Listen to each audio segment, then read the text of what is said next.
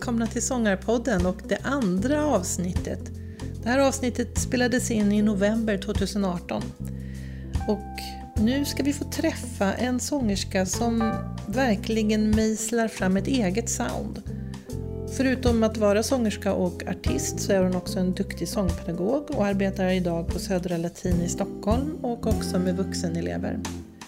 Och jag hoppas att vi kommer att prata om hur man utvecklar och litar på den egna rösten, det egna soundet. Vi väntar på Sofia Pettersson. Sofia Pettersson, varmt välkommen till Sångarpodden. Tackar.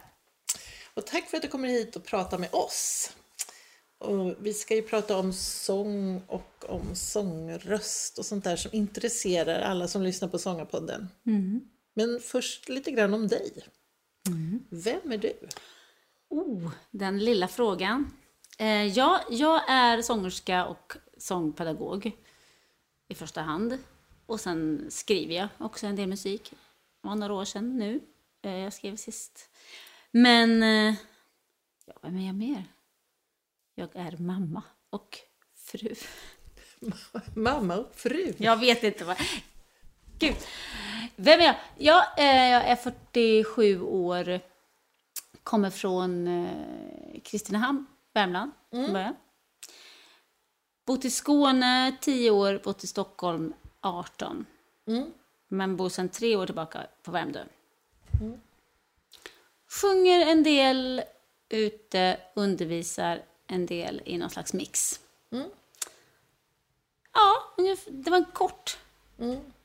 Men det här med Värmland verkar ju gå igen. Jag tycker Ja. jag träffar på så många som musicerar som kommer just från Värmland. Jag vet inte om vi ska gräva Nej, men alltså jag, ibland så tänker jag så är det för att man är från Värmland så därför blir man så medveten om, ah, en, en till, en till.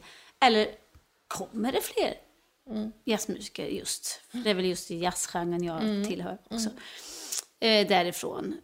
Eh, det, kan inte, det, det fanns, eller finns fortfarande ett väldigt fint och bra musikgymnasium där, i Karlstad. Och det var liksom bland de första i Sverige sådär. Alltså, det vill säga, det fanns väldigt få musikgymnasium när jag gick där. Och då kom alla som bodde i Värmland gick där. Och det var väldigt bra lärare och det var väldigt... eh, Ska jag säga, det var väldigt... Ska säga? Det fanns extremt mycket utrymme för musicerande och eh, eh, kreativt. Jag hade ju ingenting att jämföra med då. Men när jag ser nu vad som liksom hur det kan vara på musikgymnasium och så och vad, hur mycket det hinns med att musicera faktiskt. Det är så mycket andra saker på gymnasiet. Så, så inser jag att det var jättebra. Och det är jättemånga kollegor som har gått där. Jag tänkte just fråga det. Hänger ni ihop fortfarande då? Mm.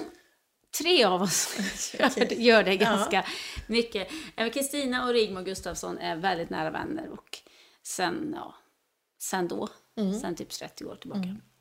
Sen alltid när man stöter på folk så känns det som att man är ganska, man känner varandra fast man inte har kanske träffat på 15-20 år från den tiden. Ja, det får man säga. Och Ja, så, ja. På något sätt så känns det som ni har en identitet Ja, från den tiden. Jag, jag tror faktiskt det. Man, man har något gemensamt och den där tiden på gymnasiet, det säger ju även människor som går gymnasiet nu som man träffar på, eh, att det är en sån himla viktig tid. Eller bara ett par år efter studenten, så bara, ah, det där, där skapade, det var där det hände allting. Och det kan jag ju hålla med om. Och just därför tror jag, och så man dessutom håller på med musik, som är så utvecklande och så, som tar över ens liv Just det. fortsatte man då dessutom med musik. Ja, men, ja, det skapades nog väldigt mycket starka band. Ja. Där. Och det här eh, beslutet att det här, den här känslan eller beslutet att det här ska bli mitt liv. Var det redan innan eller har det bara rullat på eller hur går det till? Ja, det- det går till på lite olika sätt har jag förstått. Men jag har, jag brukar säga det till en av mina vänner, att jag eh, har aldrig haft sådär, jag ska visa dem, jag ska bli så och så eh, bäst i världen. Utan lite bara rullat på tycker jag att det var för mig. Jag fick börja spela piano när jag var åtta år. Och så gjorde jag bara det. Och så tyckte jag att det var kul och inte så kul ibland. Lite så. Men jag bara gjorde det. Och sen man skulle söka gymnasiet så förstår jag inte överhuvudtaget att jag skulle kunna vara intresserad av något annat. Det fanns, jag kan in, inte så här, alltså jag kunde inte se mig själv i något annat sammanhang. Men in, jag, jag, jag, jag, var, jag var så naiv, jag hade ingen koll på vad betyder det att gå musikgymnasiet utan det är det enda som jag vet att jag är någorlunda bra på. Så kommer man från en liten stad, så det är inte så många jämförelser med. Så man kanske till och med tror att man är lite bättre än vad man är. Eller så. Men, li- lite självförtroende Ja, faktiskt. det. I det. Men det har jag tänkt på, med, och inte bara inom musik, men eh, att när man kom, jag är också uppväxt i en mindre ort. Och, att, och jag känner andra som också är uppväxta på andra orter, men som är mindre, att man får en, man, på något sätt en, kanske en större självförtroende för att man fick mera utrymme eller på Ja, något sätt. Att det ja. fanns mera möjligheter att...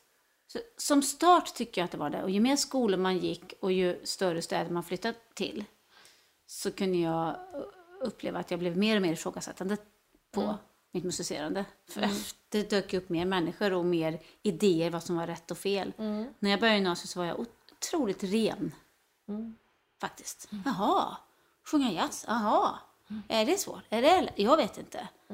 Så var inte alla som fungerar så, kan jag säga. Men, men jag var väldigt befriad från eh, någon idé om vad som var rätt och fel. Jag kom från någon slags hårdrocksstad och så var det enda alla höll på med. Och det gjorde jag med. Mellan liksom 13 och 15 typ. Och den enda som fick sjunga Sol i Lucia-tåget i sexan. Alltså du vet. Så det var väldigt liten, liten skyddad värld. Och så bara, jaha. Mm. Och så började man med gymnasiet. Och så gick åren och sen så blev det så här Skurup på musikhögskolan, Skurups folkhögskola och så musikhögskolan. Och då fick man ju lära sig, men så lätt är det inte, förstår du. Det var ingen, det var ingen som sa, utan det var ju bara, ja, det sko, skolor gör det ganska mycket.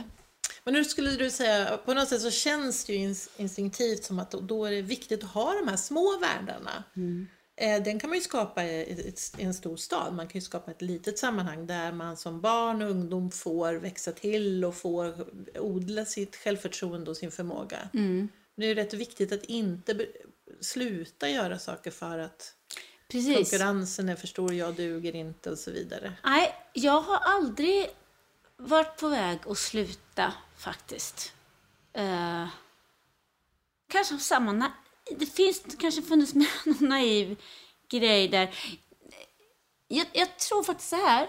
Jag har haft enorma sjunk i min eh, sångidentitet genom alla dessa år. Liksom. Inte kanske i tioårsperioder, men så här, i perioder. Eh, eller jag låter hemskt, eller jag har dåligt uttal, eller jag, vad tillhör jag för genre, eller du vet, håll på. Eh, eller haft problem med rösten, haft det i, hade en ganska lång period på typ 90-talet. Eh, men sen började jag skriva musik. Då öppnade sig en lite ny värld i självförtroende. Eh, eh, vad heter det? Vad det gäller självförtroendet. Ja, men det, det var ju... Där kunde jag ändå känna, det tyckte jag var ganska lätt när jag började skriva musik. Både musik och text. Också av samma anledning att jag var lite naiv, att jag inte så här, kände till reglerna riktigt. Alltså, så här, vilket vi var bara bra. Just det. Man bara gör. Man, jag bara gjorde, Ja. precis. Jag, jag, jag bara gör och sen så... Åh, vad, vad kul! Och det, det bara pff, rann på. Och framförallt när jag hade lärt mig verktygen lite. Hur gör man? Vad heter ackorden? Hur hittar man? Och, och skriver noter och sånt där. Eh, Men det lärde man sig sen också. att, Nej, det är inte lätt att skriva musik.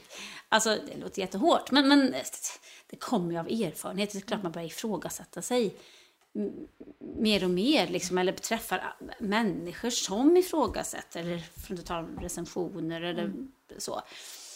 Eh, men det är nästan första gången som jag kanske säger det, känner jag nu, men att ja, men, ja, jag är sångerska och så.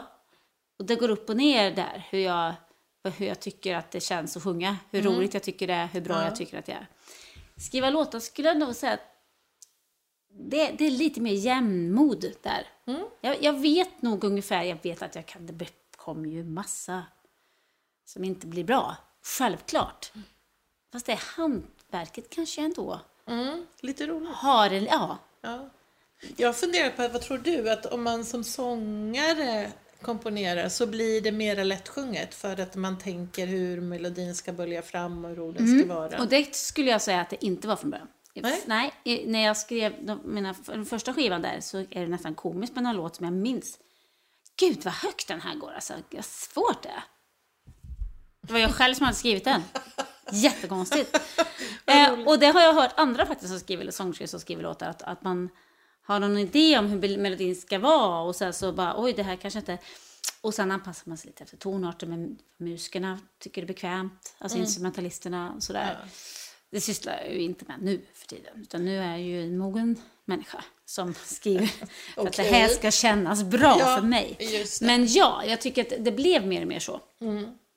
Har, du, har du skrivit låtar åt andra eller åt dig själv? Jag har skrivit, eh, jag skrivit texter åt andra. Eh, för det har jag... Men all, all låtmusik har jag skrivit. Jag blev så här lite tvehågsen nu. Nej, nej. Andra har sjungit mina låtar fast jag i- först har skrivit dem till mig själv. Och texter har jag skrivit eh, lite grann till andra. Eh, det är på ett sätt svårare att skriva texter till andra. Mm. För att det, det kan finnas såna jättesmå grejer som, men så där kan man inte, ska man inte frasera det där. Det där skrev jag för att jag tänkte att det skulle låta så här. Eller, ehm, jag förstår precis vad jag menar med det här. Och så, men vänta, förstår hon det som ska sjunga det? Alltså, så det, det, jag har inte gjort det supermycket, utan jag har gjort det lite grann sådär. Men det är ganska, apropå allt, intervjun här och allting och sång och så. Skulle jag tappa rösten eller gehöret eller något, då skulle jag kunna ägna mig åt att skriva texter faktiskt. För det, Vad kul. Ja, säger inte att jag är världsbäst på det, men sen jag började på svenska, skriva på svenska också, då kom, följer ju en mur till där. Jag kan ju svenska, trots allt. Engelska är trots allt, ja, jag kan väl prata engelska eh, hjälpligt som många svenskar kan, men, men ändå, jag, kan, jag vet ju att jag har använt uttryck i mina engelska texter som, som kanske, kanske är är 30-40 år. De kanske inte säger så länge. Alltså förstår du? Just det. Det är sådär, man, är inte, man är ju inte lika hemma. Nej, och de Så. ju ansenad som är vi är stensäkra på, på vårt eget språk. Precis, och Det där är kan vi, kan vi sjunga fel svenska, men då vet vi att vi gör det. Det. På något sätt. Just det. Ja, men det här var intressant för att jag läste en recension eh, av din senaste skiva som verkligen hyllade den eh, och eh, kommenterade just att du har hittat fram till dig själv. Och eh, det var väldigt fin, fina saker de skrev. Mm. Det har skapat en platta som går rakt till hjärtat.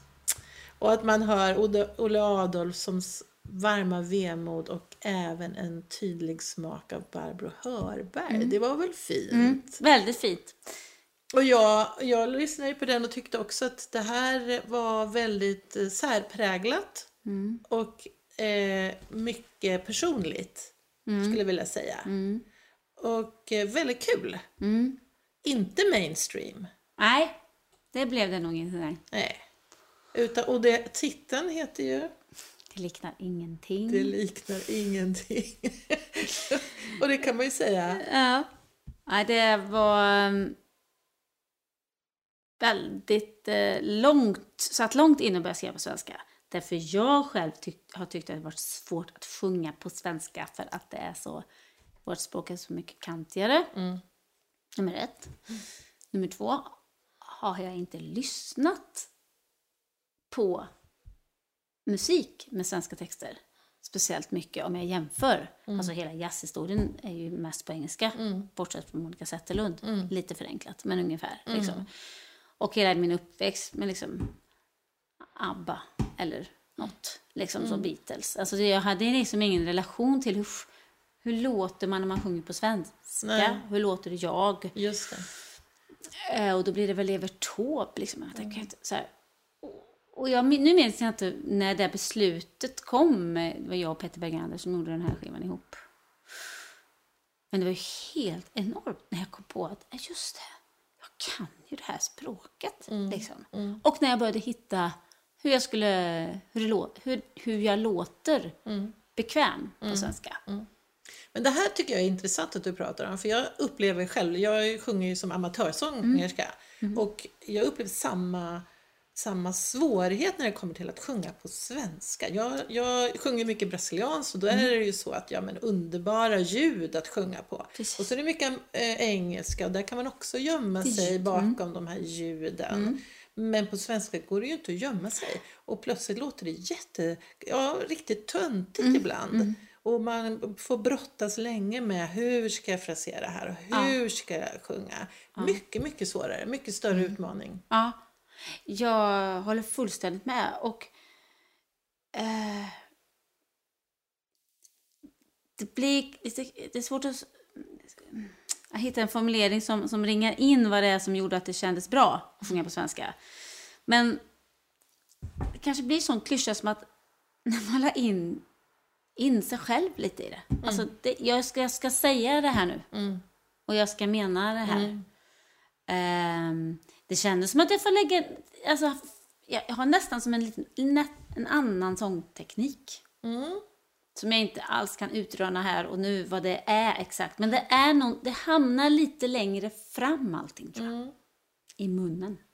Att jag liksom... Jag kan inte visa för det blir väldigt svårt. Men, men det, det är någonting... Det blir mer konsonanter. Alltså det blir längre fram. Alltså hela känslan är lite att det är... Ja, ligger längre fram. Tror jag. Och eh, ja. Mm, ja. ja och det, nej, det går inte att gömma sig, nej. För då blir det skitdåligt. När man Ja. försöker liksom sjunga lite så här. Liksom. Kom, kom, det här för mig blir i alla fall skitdåligt. Ja, det beror ju på vilket ideal man har Ja. så att säga. Ja. Men, eh, ja, Ex, exakt. det, Det kan nog vara någon som låter jättebra på det sättet, men inte jag. Det här med röst då ska vi prata om lite grann. Mm, ska vi. Eh, För jag var lite grann inne på det tidigare. Du har ju en väldigt personlig röst. Mm. Och det var någon recension, det tyckte inte jag var så snällt. Då stod det att du hade väldigt flickig röst. Mm. Men om man bortser från det då, ordet så är det ju så att du är ju en av de här sångarna som har en röst som man känner igen direkt. Mm. Eh, och när jag funderade inför den här intervjun så tänkte jag vilka andra sångare har det? Eh, och då så tänkte jag på Billie Holiday till exempel. Det går inte att missta. Så fort hon tar, tog en ton så visste man. Aretha Franklin. Eh, och också Joni Mitchell och kanske Barbara Streisand. Mm, att man ja, direkt, absolut. Det går, ja, det är de så att säga. Och ehm, ja, lite grann tänkte jag vad, om, prata om så här. eh, Idag kan man tycka att det är mycket eh, idolprogram och sådär. Att man har en känsla av att man vill att alla ska låta ganska lika. Man har en känsla av det, ja. Av någon Ja, anledning. jag vet inte om, man, om det är så. Nej, jag, jag höll på att säga, inte jag heller, men... ja, men lite så här mainstream och sådär. Vi, Eller, eller att det går, kommer, förlåt att jag men, men att det kommer trender Ja. också. Nu ska man sjunga på skarven eller nu ska man eh, låta lite, alltså, apropå flickig. Ja, lite- nu ska man låta lite Lolita och mycket ja. luft ja. Och nu, och bland killar kanske så här, alltså någon som skapar skola fast inte menar det, typ Håkan Hellström. mm, kan tänka mig att det är flera som efter honom eh, försöker låta så. Mm. Liksom. Det är egentligen inte konstigt eh, så, men, men lite mer trendiga. De där som du räknar upp där, de har ju säkert också skapat trend, men det känns ju som att det går inte att härma någon Nej. dem. Man kan försöka men alla hör ju direkt att man försöker Mm. Ja. härma. Att, Men jag, när, när du, eh, just den där grejen med, jag tycker att då, att jag har väldigt mycket karaktär i min röst. Och det kan man säga utan värdering om man vill. Men jag har ju också spytt på det ibland. Att det bara, men alltså, låt inte sådär. Så min bror sa en gång, bland de liksom första gångerna som han hörde mig, jag var på en jazzklubb i Malmö, mitten på 90-talet. Och så han hade inte varit och lyssnat på mig särskilt mycket sen vi var små. Och så, alltså jag tyckte det var jättebra, man hörde inte att det var du. Åh, tack! Och grejen var, då blev jag jätteglad för det, kommer jag ihåg. Mm, för jag tänkte, den här rösten som jag, jag spelade in mig själv när jag var liten ibland och sådär. Fast jag fick alltid vänta flera år och lyssna på det för att jag, ja, du vet, det var så blandad känsla. Eh, för att det var någonting som, eh, som hela tiden gick igenom, något ljud som säkert hörs nu när jag pratar också, som gjorde också när jag gjorde intervjuer. Då började jag prata så här. Mm, lite... Ja, hej. För jag ville vara sval och varm i tonen samtidigt, men inte det här äh, starka karaktären. Så när du säger så, ja men det är när man kanske har blivit lite äldre också. Kanske bra att ha lite karaktär. Om man inte ska bli en framstående liksom, bakgrundssångerska, Just det. då är det jävligt bra Ja. att ha en röst som faktiskt bländar in. För jag tänker många som lyssnar på Sångarpodden, de eh, är ju körsångare. Och, eh, och där har jag också funderat, för, för en kör det blir då är man som del av det ska bli en, en em, röst skulle man kunna säga. Men är det, är det bra då? Om man, för du är ju pedagog och jobbar på Södra Latin och ni har kanske körsång Mm, jag har haft lite kör ibland, ja. Mm. Det här att vad är bra i en kör? Ja. Är det bra att ha blandad? Att några har särskilda röster? Eller? Jag är ju inte någon körproffs. Det ska Nej. understrykas och det ska inte klippas bort att jag säger det. För det är jag verkligen inte. Men jag kan ju tänka så här. Om du har en, en jag bara säger nu då, Erik Erikssons kammarkör. Ja. Då, kan, då är det väl ganska lämpligt att det just blir som du säger, att det, att det blir ett, ett sound, att man kan blanda in, att man har ett, ett röst, ett ljudideal Just som det det. ska nås. Det är det ganska bra om du inte har en för liksom genomträngande stämma. Men om du tar en gospelkör, Aretha Franklin skulle ju kunna få vara med i den, om man säger så. Alltså där gör det ju, där, där, där, får det ju ha ett litet, om man säger så, då, skitigare ljud. Och det blir liksom kanske bara positivt. ja. Det är ungefär det jag vågar uttala mig om där. Det är inte så att nej, jag skulle aldrig kunna vara med i en kör för jag har så mycket karaktärer. Liksom, eller de namn, det är klart man skulle. För man kan ju också dra ner på sin karaktär lite. Nej, men jag tänkte om man är, man vill sjunga i kör men så tycker man kanske att man har en röst som är lite speciell eller så. Ja, nej, det ska ju då- inte hindra en. nej. nej, absolut inte, skulle jag säga. Och sen kan man ju säga det att men, det är ju roligt att sjunga solo. Så Ja, kan man ju säga att ja, men jag tar den jag vägen. tar gärna den. Nej, men verkligen. Och det där har jag pratat mycket med kollegor om, vilka, vilka olika typer av sångerskor vi är. För man umgås ju väldigt mycket sångerskor emellan och vi är ett gäng som träffas ganska ofta. Och det, det är också en sån här acceptans, tycker jag, vart efter åren går. Nej, men det är väl klart att, att, att jag har blivit en solosångerska och du är ute och körar med alla i hela Sverige. Att vi är olika. Men vi, om vi tänker på hur vi låter. Inte kanske bara vad vi är bra på. Nej, just det. Det spelar jag in också förstås. Men, men det. är väl bra att det blev så. Just, Och inte tvärtom, till exempel. liksom. Så att, eh, men att inte hoppa på en kör för att man tycker att man har en konstig röst, det, det, det tycker jag inte. Nej, men man jag tänker att vi, vi bär ju alla på våra nojor och, eh, Såklart. och eh, man funderar och, och sådär. Mm. Men jag kunde själv bara tänka mig att jag skulle kunna ge, om man, har, om man är duktig på som körledare att ta in folk med olika sorters röster, Mm. Ja. att de där skulle kunna skapa en intressant mix. Alltså jag tycker att det bästa exemplet är Agneta och Ann-Frid. Ja, Som lät och låter jätteolika. Och där jag då, skulle våga säga, som var grät när de var på tv och sånt när jag var liten, så jag var totalt besatt av dem. Och där då Ann-Frid har väldigt mycket karaktär i sin röst. Det går faktiskt inte heller riktigt att ta miste på. Hon låter jättetydlig. ja. Agneta? Nej, inte på samma sätt. Det gör man ju för att man har hört henne mycket kanske. Men om du jämför som sagt med de där namnen som du sa där. Men när de två, det är slarvigt att säga så, men om man ändå ska välja liksom så, så fanns det mer, fanns det mer biklang hos Anne-Frid tycker jag än hos Agneta. Och det är typiskt, jag ville ju mycket gärna hellre låta som Agneta när jag var liten. Såklart, för att jag var ju jättelångt från henne. Liksom. Men i alla fall, när de där två rösterna kom ihop, Just det. då händer ju något helt magiskt. Det går ju inte att efterhärma.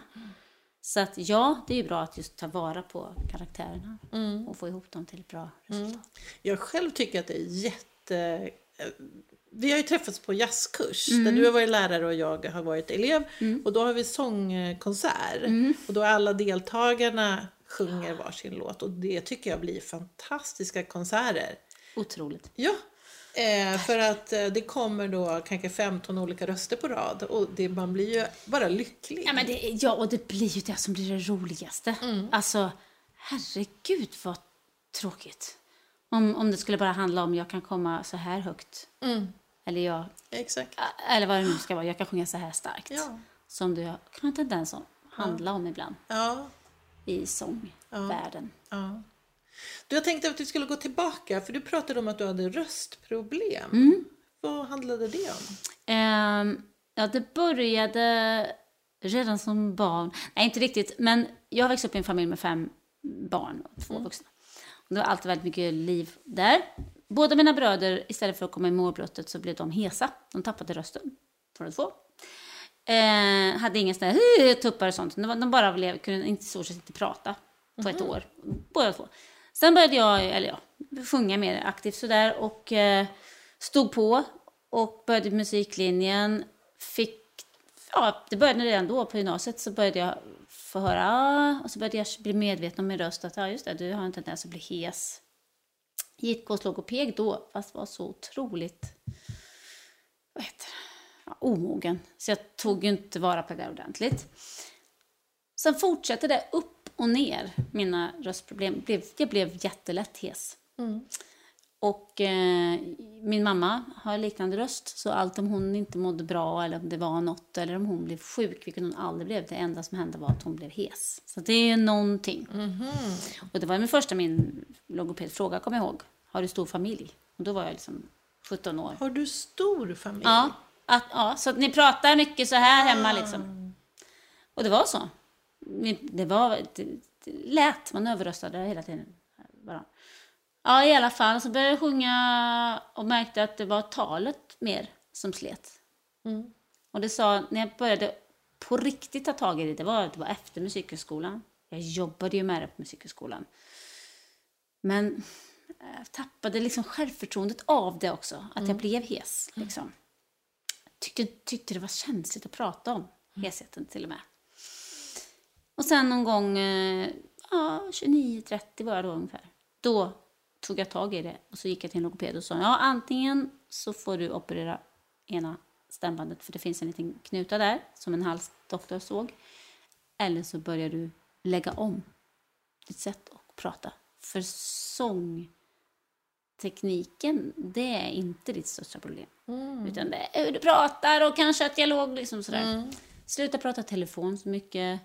Ehm, sitt, jag satt och läste tidningen högt för mig själv på morgnarna så att jag skulle börja andas rätt och så här.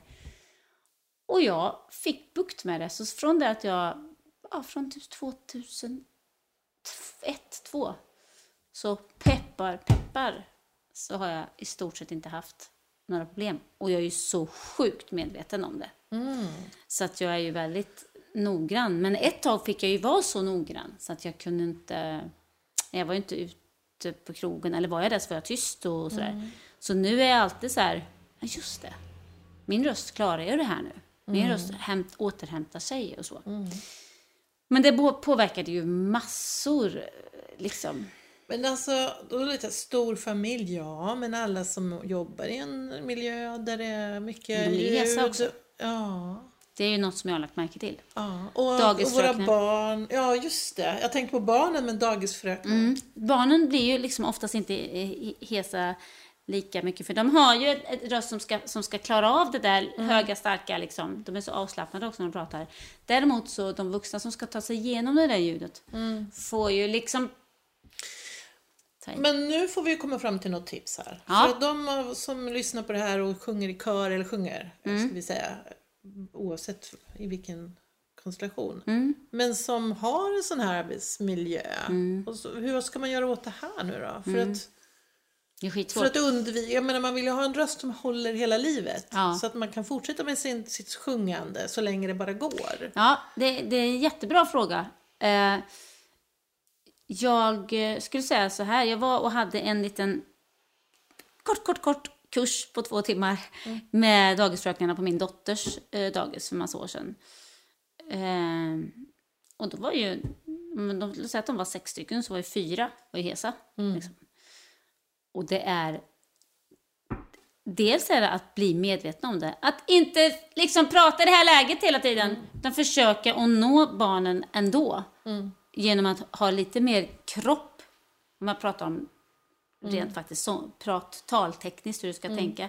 Ha mer kropp i rösten när du uttrycker något. Istället för att hamna här. Jag menar, du blir arg, du blir frustrerad, du är på dagis, det är 22 barn. Jag fattar. Men att försöka att bli medveten om det. Det där klassiska som man säger. Men faktiskt, att vara tyst emellan. För det låter ju ganska allvarligt om man kan få fysiska knutor på stäm, säga. Ja, man- stämbanden. Jag är helt säker på att man kan. Ja. För att du går ju dessutom ut och jobbar heltid på ett dagis. Just det. Jag, jag, alltså det, det är riktigt jobbigt. Men var medveten om det. Var tyst emellan. Ta hellre om... Alltså nu har jag inte jobbat på dagis så att jag vet ju inte riktigt hur det går till. Men om man till exempel, nu ska alla barn samlas. Ha en klocka. Skrik inte eller be den andra fröken som inte har ont i halsen. Alltså, bli medveten. Och sen så det här med att... Eh, jag tänkte på att sj- att sjunga med barnen på dagis. Alltså, nu pratar vi om just dagis, men ja, vi kanske inte ska fastna i det. Men, men generellt om du märker att du blir sliten av din röst på jobbet.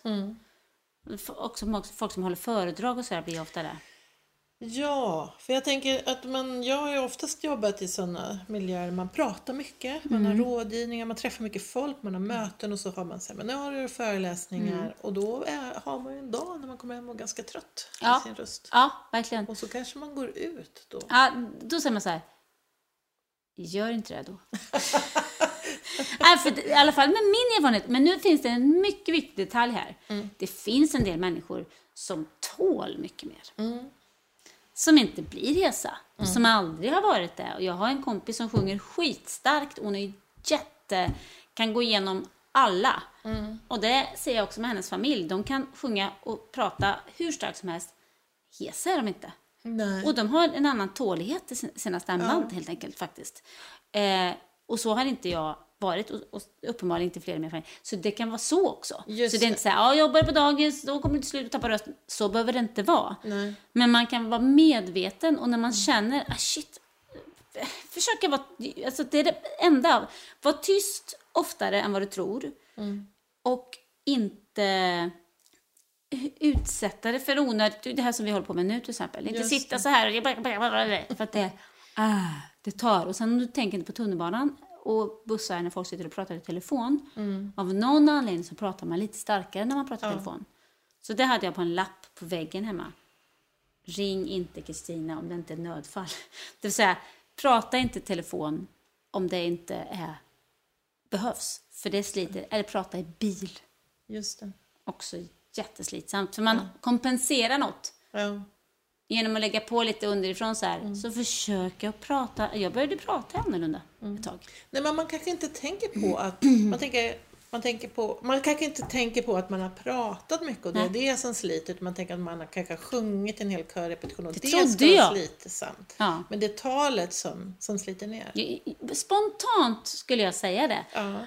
Eh, sen kan du ju stå och sjunga galet fel och tokskrika. Det, tar, det sliter ju också.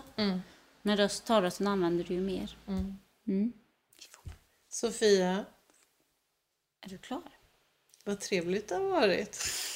Jag tror att vi inte alls är klara. Jag tror att vi kan prata hur länge som helst. Ja, verkligen. Jag har massor att fråga dig om, men jag tänker att vi får fortsätta en annan gång. Det tycker jag att vi ska.